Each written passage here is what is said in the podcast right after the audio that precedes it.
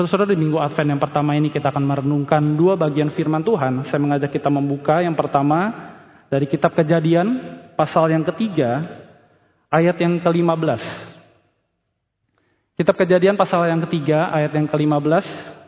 Silakan saudara-saudara memperhatikan di dalam Alkitab masing-masing. Saya akan membacakan bagi kita semua. Demikian firman Tuhan. Aku akan mengadakan permusuhan antara engkau dan perempuan ini. Antara keturunanmu dan keturunannya. Keturunannya akan meremukan kepalamu dan engkau akan meremukan tumitnya. Satu bagian firman Tuhan lagi dari Injil Matius. Pasal yang pertama kita akan membaca ayat 1 sampai 17. Matius pasal yang pertama ayat 1 sampai 17. Demikian firman Tuhan. Inilah silsilah Yesus Kristus, anak Daud, anak Abraham. Abraham memperanakan Ishak, Ishak memperanakan Yakub, Yakub memperanakan Yehuda dan saudara-saudaranya. Yehuda memperanakan Peres dan Zerah dari Tamar. Peres memperanakan Hezron, Hezron memperanakan Ram, Ram memperanakan Aminadab, Aminadab memperanakan Nahason, Nahason memperanakan Salmon. Salmon memperanakan Boas dari Rahab. Boas memperanakan Obed dari Rut. Obed memperanakan Isai. Isai memperanakan Raja Daud. Daud memperanakan Salomo dari istri Uria. Salomo memperanakan Rehabeam. Rehabeam memperanakan Abia. Abia memperanakan Asa. Asa memperanakan Yosafat. Yosafat memperanakan Yoram. Yoram memperanakan Uzia. Uzia memperanakan Yotam. Yotam memperanakan Ahas. Ahas memperanakan Hiskia, Hiskia memperanakan Manasye, Manasye memperanakan Amon, Amon memperanakan Yosia, Yosia memperanakan Yekonya dan saudara-saudaranya pada waktu pembuangan ke Babel. Sesudah pembuangan ke Babel, Yekonya memperanakan Seltiel, Seltiel memperanakan Zerubabel, Zerubabel memperanakan Abihud, Abihud memperanakan Eliakim, Eliakim memperanakan Azor, Azor memperanakan Zadok, Zadok memperanakan Akim, Akim memperanakan Eliud, Eliud memperanakan Eleazar, Eleazar memperanakan Matan, Matan memperanakan Yakub, Yakub memperanakan Yusuf suami Maria yang melahirkan Yesus yang disebut Kristus. Jadi seluruhnya ada 14 keturunan dari Abraham sampai Daud. 14 keturunan dari Daud sampai pembuangan ke Babel. Dan 14 keturunan dari pembuangan ke Babel sampai Kristus. Demikian jauh kita baca firman Tuhan pada hari ini. Saudara kalau kita mengingat masa-masa di mana kita lebih sering berkumpul dengan keluarga kita, baik keluarga dekat maupun keluarga besar begitu ya. Maka mungkin salah satu cerita yang timbul di dalam percakapan kita dengan keluarga kita, khususnya dengan anak-anak dan cucu-cucu kita adalah papa, mama, opa, oma, ama, akong. Dulu keluarga kita itu seperti apa? Ceritain dong, begitu ya. Saya ketika melihat salah satu film ya berjudul Habibie Ainun yang ketiga, Film itu dimulai dengan scene, dengan adegan yang kira-kira begitu. ya. Ada anak-anak cucu-cucu dari almarhum Bapak Habibie yang sangat ingin mengetahui gimana sih kisah cinta ya dari opanya begitu dengan almarhum Ibu Ainun. Dan kemudian para anak-anak dari almarhum Bapak Habibie ini dan juga mantu-mantunya berusaha untuk menghindari, aduh jangan sampai cerita ini dikisahkan lagi sama si opa nih begitu ya, sama papanya mereka. Karena ceritanya mungkin akan menimbulkan kepedihan. Karena dia mengingat almarhum istrinya yang dulu meninggal waktu itu diceritakan. Nah saudara kalau kita melihat uh, kehidupan kita dan kita mengingat bagaimana kita bisa bercengkrama dengan anak-anak cucu kita yang pengen banget tahu cerita dari keluarga kita. Mari kita coba berimajinasi atau mungkin kita pernah mengalami begitu ya. Kalau ada cerita-cerita yang indah, maka kita akan dengan sangat mudah menceritakannya. Tapi kalau cerita di dalam keluarga kita, ada yang nggak enak, ada yang pahit, ada yang buruk, dan mungkin, mohon maaf, ada yang menjadi aib. Apakah kita akan menceritakannya dengan semangat, dengan begitu excited, dengan senyum, dengan wajah yang ceria? Saya pikir kebanyakan dari kita, termasuk saya, akan menghindari bagian cerita itu. Dan kita hanya menceritakan hal-hal yang baik dari keluarga kita. Nah saudara, ketika kita melihat kehidupan keluarga anak-anak manusia di dunia ini, maka kita mungkin akan lebih baik ditemani dengan kisah-kisah yang bobrok, kisah-kisah yang tidak enak, kisah-kisah yang mengerikan untuk diceritakan. Dan kalau kita bisa rangkum di dalam satu kalimat, mungkin tidak ada yang baik yang datang dari sebuah keluarga yang buruk. Nothing good came out of a bad family. Mungkin itu adalah keluarga entah di mana. Mungkin juga adalah keluargaku dan keluargamu, keturunanku dan keturunanmu. Nah, saudara, sebuah pemikiran ini mungkin terlintas di benak kita ketika kita membaca bagian pertama dari Alkitab tadi, Kejadian 3 ayat 15. Saudara, di sana ada sebuah Injil sebenarnya yang disebutkan proto evangelium. Proto adalah pertama, evangelium adalah berita baik, good news. Di dalam kejadian 3 ayat 15 sebenarnya ada Injil pertama yang diserukan oleh Tuhan kepada Adam dan Hawa waktu itu. Tapi mari kita coba lihat baik-baik bahwa kondisi Adam dan Hawa waktu itu tidak baik. Kondisi mereka sedang memberontak kepada Tuhan. Tapi ternyata ada Injil, ada janji keselamatan, ada kabar baik yang Tuhan sampaikan. Apakah mungkin kalau kita coba berandai-andai begitu ya, kabar baik ini akan tergenapi? akan terlaksana. Di tengah kondisi keluarga pertama dari anak-anak manusia ini yang memberontak, adakah kabar baik? Apakah mungkin, bagaimana mungkin bisa ada kabar baik di tengah kondisi keluarga yang seperti itu? Mungkinkah ada kabar baik juga bagi keluarga kita? Bagi keturunan kita yang mungkin, mohon maaf, hancur, berantakan, dengan latar belakang keluarga yang tidak baik. Dan saudara dengan pertanyaan-pertanyaan seperti ini, saya mengajak kita untuk bersama-sama melihat firman Tuhan yang akan kita renungkan hari ini. Dan jangan ragu untuk bertanya, mungkinkah Tuhan hadir bagi keluargaku? Mungkinkah Tuhan menyatakan janjinya, menyatakan keselamatannya bagi kehidupanku yang hancur, lebur, Kehidupanku yang penuh dengan kepahitan, kehidupanku yang penuh dengan kehilangan dan keputusasaan. Dan mari kita melihat bagaimana Allah menyatakan dirinya dan janjinya melalui daftar keturunan Tuhan Yesus yang dicatat oleh Matius. Nah saudara di Matius pasal 1 ayat yang ke-1, Matius memulai Injilnya dengan menyatakan ada satu silsilah dari Sang Juru Selamat itu. Dia memulai di ayat 1 dengan berkata, inilah silsilah Yesus Kristus. Inilah keturunan dari Yesus Kristus. Inilah benih, inilah keluarga dari Yesus Kristus, anak Daud, anak Abraham. Saudara-saudara pembaca waktu itu, pembaca pertama waktu itu pasti langsung terkagum-kagum. Kenapa? Karena melihat dua nama ini. Anak Daud. Daud sangat identik dengan raja yang diperkenan Tuhan. Kerajaan yang diperkenan oleh Tuhan. Raja yang dipilih oleh Tuhan Bahkan dikatakan Daud ini adalah orang yang berkenan di hati Tuhan. Wah, Yesus Kristus ini pasti dari keluarga kerajaan.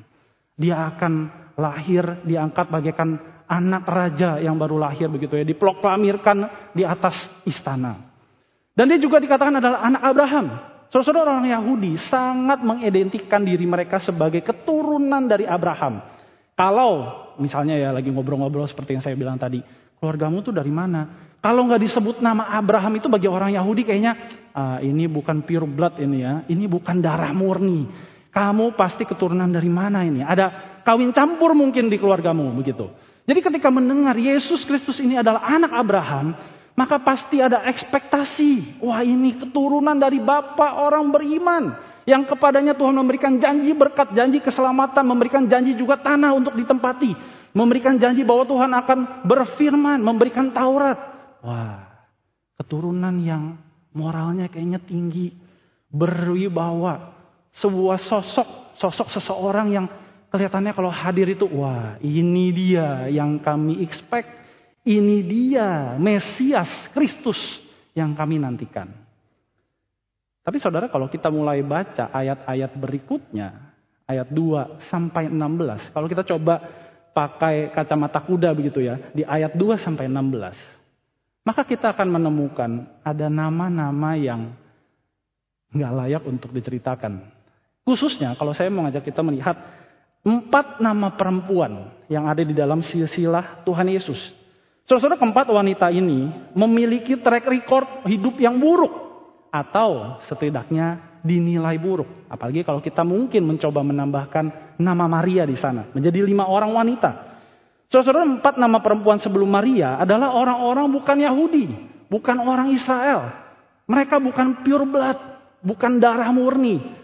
Mungkin pembaca pertama waktu itu bingung, katanya anak Abraham. Loh kenapa ini ada nama orang-orang non-Israel? Apa ini? Apalagi kalau tahu ternyata mereka semua punya rapot merah. Tamar. Kalau kita melihat di kejadian 38, kalau saya boleh andaikan memberi nama kepada Tamar, dia adalah si pura-pura sundal. Orang yang kesal dengan ulah papa mertuanya sendiri Yehuda dan kemudian mendapat keturunan dengan menipu Yehuda. Rahab dikenal sebagai perempuan sundal dan bukan orang Israel. Ruth, seorang janda dari Moab, tentu bukan darah murni orang Israel. Bathsheba yang terjebak oleh kebodohan dan nafsu Daud sehingga membuat Daud itu membunuh suami Bathsheba dan tidak mengherankan Matius mencatat nama Bathsheba sebagai istri Uria. Ini adalah sebuah catatan yang sangat memalukan. Aib bagi orang-orang yang mengklaim dirinya anak Abraham, anak Daud. Bapak moyang gua aja kayak begini. Merebut istri orang karena nafsunya, karena keinginannya, karena kebodohan dan kemalasannya. Dan lahirnya keturunan yang hancur ini. Dan saudara-saudara kalau keturunan ini ada di sebuah film begitu ya. Saya boleh coba memberikan nama sebagai The Unfaithfuls. Sekumpulan orang-orang yang tidak setia. Sekumpulan anak-anak manusia yang kehidupannya bobrok dan cemar. Apalagi kalau kita tambahkan selain empat nama perempuan itu. Semua nama-nama lain bahkan nama-nama raja-raja yang ada di sana. Termasuk Abraham dan Daud kita akan menemukan banyak sekali catatan kehidupan yang mengerikan. Catatan kehidupan yang buruk, catatan kehidupan yang penuh dengan kepahitan, saling melukai dan sebenarnya tidak layak untuk dicatat sebagai keturunan dari Sang Mesias. Tapi saudara saya kira Matius tidak ingin kita hanya menafsir silsilah ini dari ayat 2 sampai ayat 16 saja. Saudara, kalau kita melihat akhir dari silsilah ini, maka kita akan menemukan Matius seperti mengulangi dan bahkan melengkapi ayat 1. Ketika dikatakan Yesus Kristus, inilah silsilah Yesus Kristus, anak Daud, anak Abraham. Dan kemudian seperti ada benang merah yang menyatukan keturunan yang kelihatannya hancur ini di ayat 17. Mari kita perhatikan ayat 17 saudara-saudara. Dikatakan jadi ada 14 keturunan dari Abraham sampai Daud. 14 keturunan dari Raja Daud sampai pembuangan ke Babel. Dan 14 keturunan dari pembuangan ke Babel sampai Kristus. Saudara perhatikan latar belakang kehidupan orang-orang yang disebutkan ini. Abraham, siapa Abraham? Di tengah segala keburukan hidupnya, Tuhan memberikan janji berkatnya. Ingat juga sebenarnya sebelum kehidupan Abraham, ada peristiwa Babel yang lain, yaitu Menara Babel. Ketika anak-anak manusia berusaha meninggikan diri, menyamakan diri dengan Tuhan, lalu Tuhan menghancurkannya, dan Tuhan seperti memunculkan keturunan anak-anak manusia yang baru dalam diri Abraham. Abraham menerima janji berkat Tuhan dikatakan kepada kepadanya, aku akan memberkati engkau, aku akan memberikan engkau keturunan yang banyak, aku akan memberikan engkau tanah untuk engkau tinggali bersama dengan keturunanmu, dan aku akan memberikan firmanku tinggal di dalam kamu. Aku akan memberkati siapa yang memberkati engkau. Aku akan mengutuk siapa yang mengutuk engkau. Sebuah janji berkat saudara-saudara. Dan janji juga ada di dalam kehidupan keluarga Daud. Ada janji kerajaan yang Tuhan berikan. Tuhan katakan, dari keturunanmu akan lahir seorang juru selamat yang akan menyelamatkan umatku dari dosa.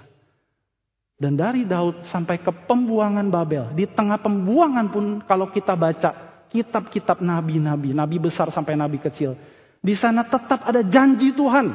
Janji keselamatan yang kekal bahwa suatu saat bangsa Israel dan seluruh umat manusia akan bebas. Tidak hanya dari penjajahan fisik, tapi juga penjajahan dosa. Dan itu semua mencapai titik kulminasinya, titik puncaknya ketika Yesus Kristus datang dia menggenapi janji berkat yang diberikan kepada Abraham. Dia menggenapi janji Mesias, janji seorang raja yang kekal yang diberikan kepada Daud. Dan dia juga menggenapi janji pembebasan yang kekal. A new exodus ada di dalam diri Yesus Kristus. Saudara-saudara, sebuah cara yang sangat indah untuk mengakhiri catatan dari sebuah keturunan. Ketika mungkin sebelumnya tadi kita pikir ini keturunan yang hancur Ceritanya banyak sekali yang buruk. Penuh dengan kepahitan. Apa yang bisa saya lihat dari orang-orang seperti ini. Ternyata ayat 17 menyatakan bahwa ada benang merah yang indah. Bukan karena orang-orang yang dicatat di sana. Tapi karena Allah memenuhi janjinya yang diberikan sejak semula. Sejak zaman Abraham. Sampai Yesus Kristus itu datang. Saudara-saudara, maka jika dibungkus dengan satu kalimat, Matius mengawali narasi Injilnya dengan menyatakan bahwa Yesus Sang Mesias, Sang Kristus itu telah menjadi manusia dengan mengambil tempat, mengambil realitas di tengah keluarga, keturunan yang cemar demi menyatakan janji keselamatan Allah. Sebuah cara yang mungkin membingungkan saudara-saudara. Kalau kita sekali lagi melihat kehidupan anak-anak manusia yang tercatat di sana.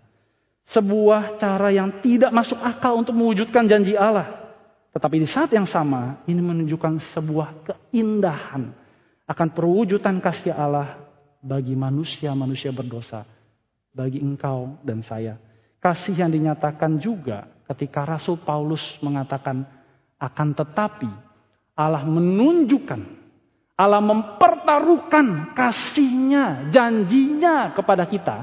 Oleh karena Kristus telah mati untuk kita ketika kita masih berdosa.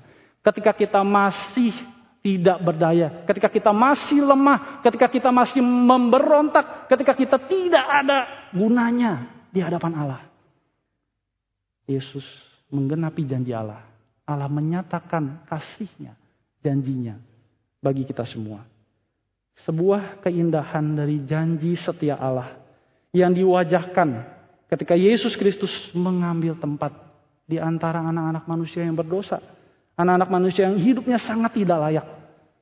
Sebuah keindahan yang menebus, membuat anak-anak manusia memampukan kita untuk melihat melampaui catatan-catatan buruk dari kehidupan kita. Melampaui keputusasaan kita, melampaui pahitnya hidup kita, melampaui segala kehilangan yang mungkin kita pernah alami.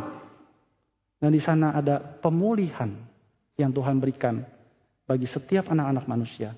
Dipulihkannya masa lalu yang kelam, dipulihkannya hati yang pahit dan getir karena kekerasan, dipulihkannya jiwa yang hampa karena kehilangan. Dan pemulihan inilah yang membuat kita semua dapat berdamai dengan semua itu dan dapat menerima undangan Tuhan untuk kita berpartisipasi, menceritakan janji keselamatan itu kepada generasi-generasi berikutnya, kepada dunia ini yang membutuhkan pemulihan, penebusan dari Allah. Nah, saudara, bagaimana kita mencoba untuk merefleksikan janji Allah ini di dalam konteks hidup kita masing-masing? Saudara, dua penulis komentari ya, ada tafsiran buku tafsiran dari Injil Matius mengatakan bahwa melalui keturunan yang kelihatannya buruk ini, Sang Juru Selamat itu mau berkenan untuk menghadirkan dirinya dari kemuliaannya di surga, dia datang berinkarnasi ke tengah dunia, bahkan sampai harus disalibkan.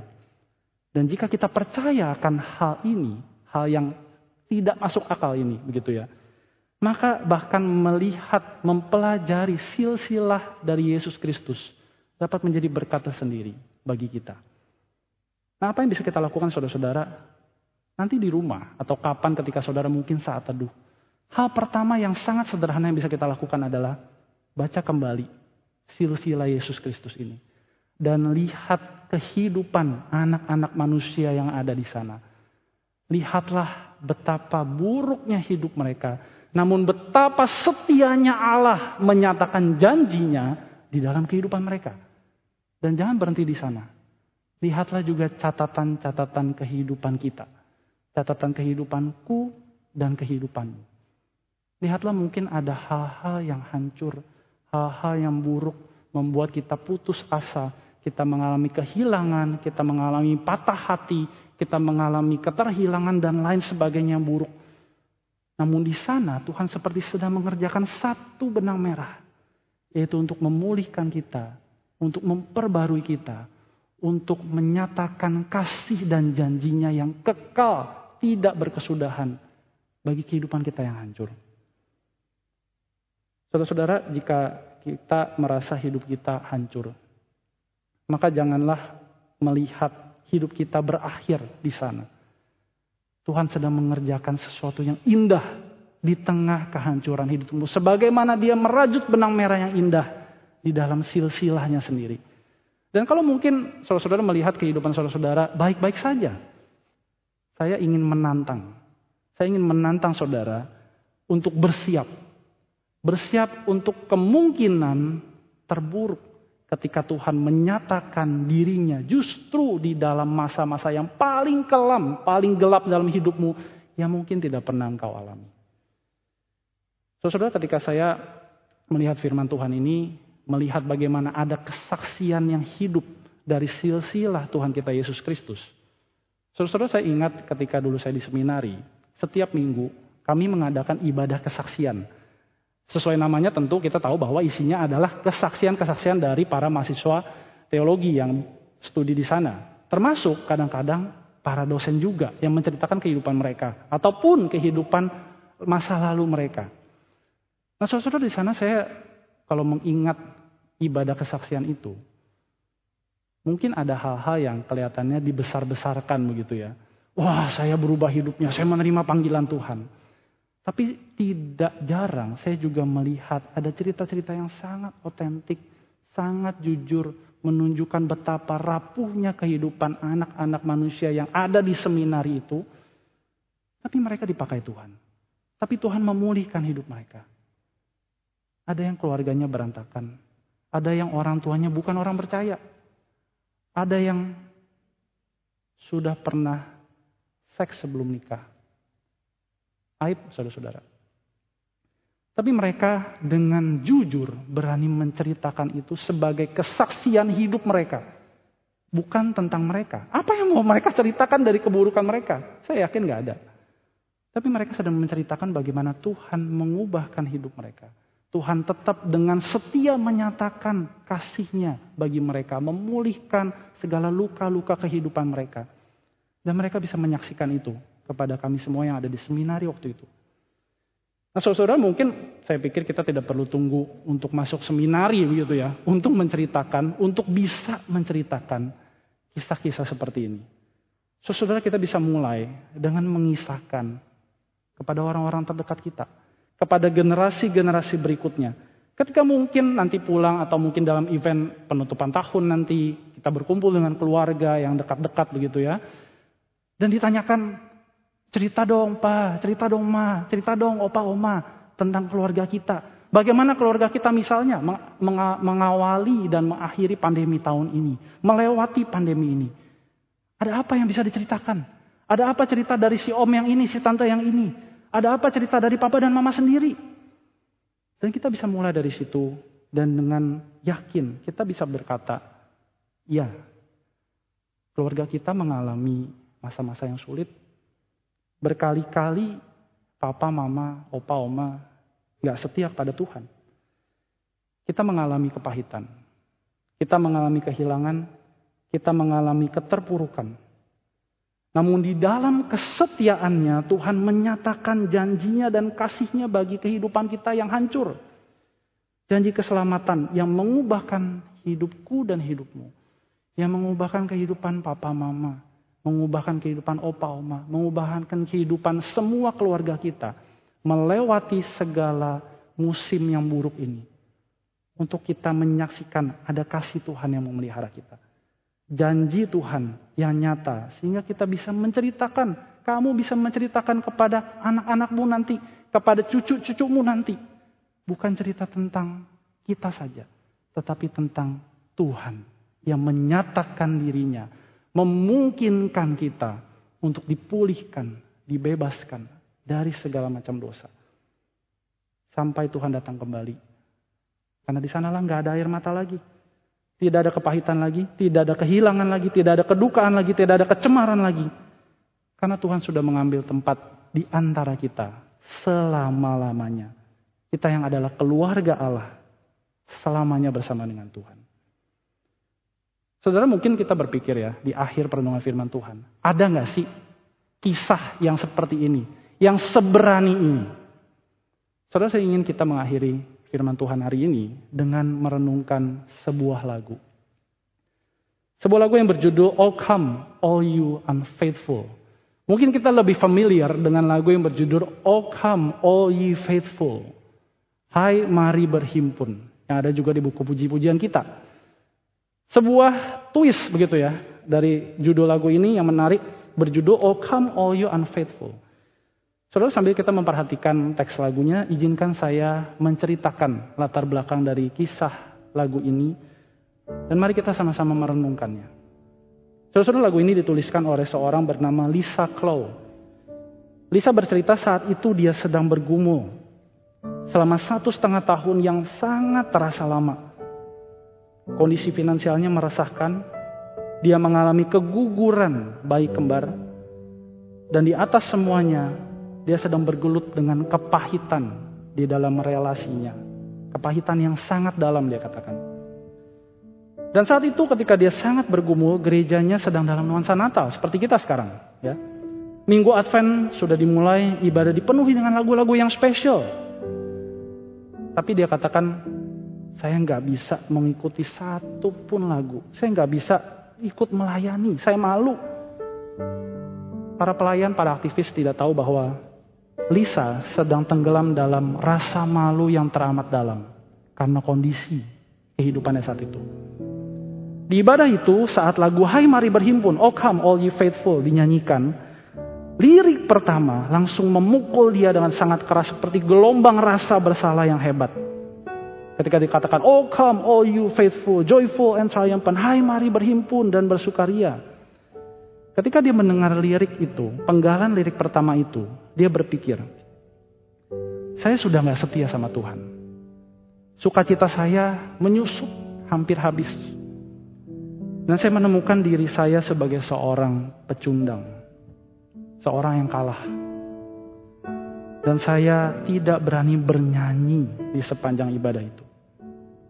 Ketika dia pulang, dia berpikir hatinya terus bergejolak dan dia berpikir demikian. Apakah benar orang-orang seperti ini yang diundang untuk datang kepada Yesus? Orang-orang yang benar, hidupnya selalu bersuka cita. Orang-orang yang mengklaim dirinya pemenang. Bisa mengatakan kalau hanya orang-orang seperti ini, maka matilah saya. Tidak ada harapan bagi orang-orang seperti saya. Namun di siang atau sore harinya, dia mengatakan dia bersyukur ketika Roh Kudus mengingatkan dia akan undangan Tuhan Yesus yang berkata, "Mari, datanglah kepadaku, semua yang letih lesu dan berbeban berat. Aku akan memberikan kelegaan kepadamu." Kelegaan yang dia katakan ditemukan ketika dia dijumpai oleh kehidupan Yesus, kelahiran Yesus, kematian, dan kebangkitannya. Dan dia melihat ini bukan tentang ceritaku. Ini tentang ceritanya Tuhan. Dengan latar belakang hidup yang seperti ini, dia kemudian menuliskan sebuah lagu yang kita sedang saksikan teksnya. Pada malam harinya dia katakan dia diyakinkan untuk menulis lagu ini bagi dia dan bagi orang-orang yang lelah, hancur, dan dipenuhi rasa malu. Saudara, mari kita menjadikan lagu ini sebagai doa perenungan kita untuk kebenaran firman Tuhan hari ini. Mari kita dudukkan kepala di hadapan Tuhan. Dan saudara izinkan saya untuk membacakan teks dari lagu ini sebagai doa kita kepada Tuhan. Datanglah, hai kau yang berdosa. Datanglah, hai aku yang tidak setia. Datanglah, engkau yang lemah dan gelisah engkau tidak sendirian. Datanglah kepada Tuhan, engkau yang menanti, engkau yang mengalami kehampaan. Datanglah, kau yang putus asa, kau yang sudah lelah untuk berdoa. Lihatlah apa yang Allahmu lakukan. Kristus lahir. Kristus lahir. Dia telah lahir bagimu datanglah aku dan engkau yang pahit. Datanglah, hai engkau yang rapuh hidupnya. Datanglah dengan segala ketakutan yang mungkin tidak terkatakan. Dan rasakan kasihnya yang sempurna. Datanglah engkau yang malu dengan kehidupanmu. Datanglah dan tidak perlu kau resah, tidak perlu kau lari dan bersembunyi. Dan lihatlah apa yang Allah mau lakukan bagimu. Kristus telah lahir. Kristus sudah lahir. Dia lahir bagi kita semua. Karena dialah anak domba Allah yang dikorbankan untuk pengampunan kita. Janjinya bagi kita adalah damai bagi kita yang percaya kepadanya. Jadi datanglah kepada Dia, walaupun kita tidak punya apa-apa. Datanglah karena Dia sudah berikan dirinya, Dia sudah persembahkan dirinya bagi kita, dan lihatlah apa yang Allah sudah lakukan bagiku dan bagimu. Tuhan inilah seruan hati kami. Tuhan tiliklah hidup kami masing-masing. Di tengah segala kehancuran hidup kami, kepahitan yang kami alami, kehilangan yang kami rasakan. Kami tidak mau lagi bersembunyi di hadapan Tuhan dan di hadapan manusia. Karena kami tahu ini bukan tentang cerita kami. Ini bukan tentang hanya keburukan hidup kami tapi ini tentang Tuhan yang setia. Yang dalam musim apa pun di kehidupan kami tidak pernah meninggalkan kami. Dan malahan di dalam setiap catatan-catatan buruk dari hidup kami. Yang mungkin kami malu untuk menceritakannya. Tuhan sedang mengerjakan pemulihan, penebusan bagi kami. Tuhan mungkin saat ini kami tidak bisa melihatnya. Dan kami mau mengakuinya di hadapan Tuhan. Tapi kami percaya, kami punya harapan karena suatu saat nanti Tuhan akan mengambil tempat bersama dengan kami selama-lamanya. Dan di sanalah kami mengerti. Tidak ada lagi kehancuran, tidak ada lagi kebobrokan, tidak ada lagi air mata, tidak ada lagi keterpisahan dan kehilangan. Karena Tuhan telah bersama dengan kami, keluargamu, untuk selama-lamanya. Tuhan dengarlah doa kami. Dalam nama Tuhan Yesus, penebus kami yang hidup, kami berdoa.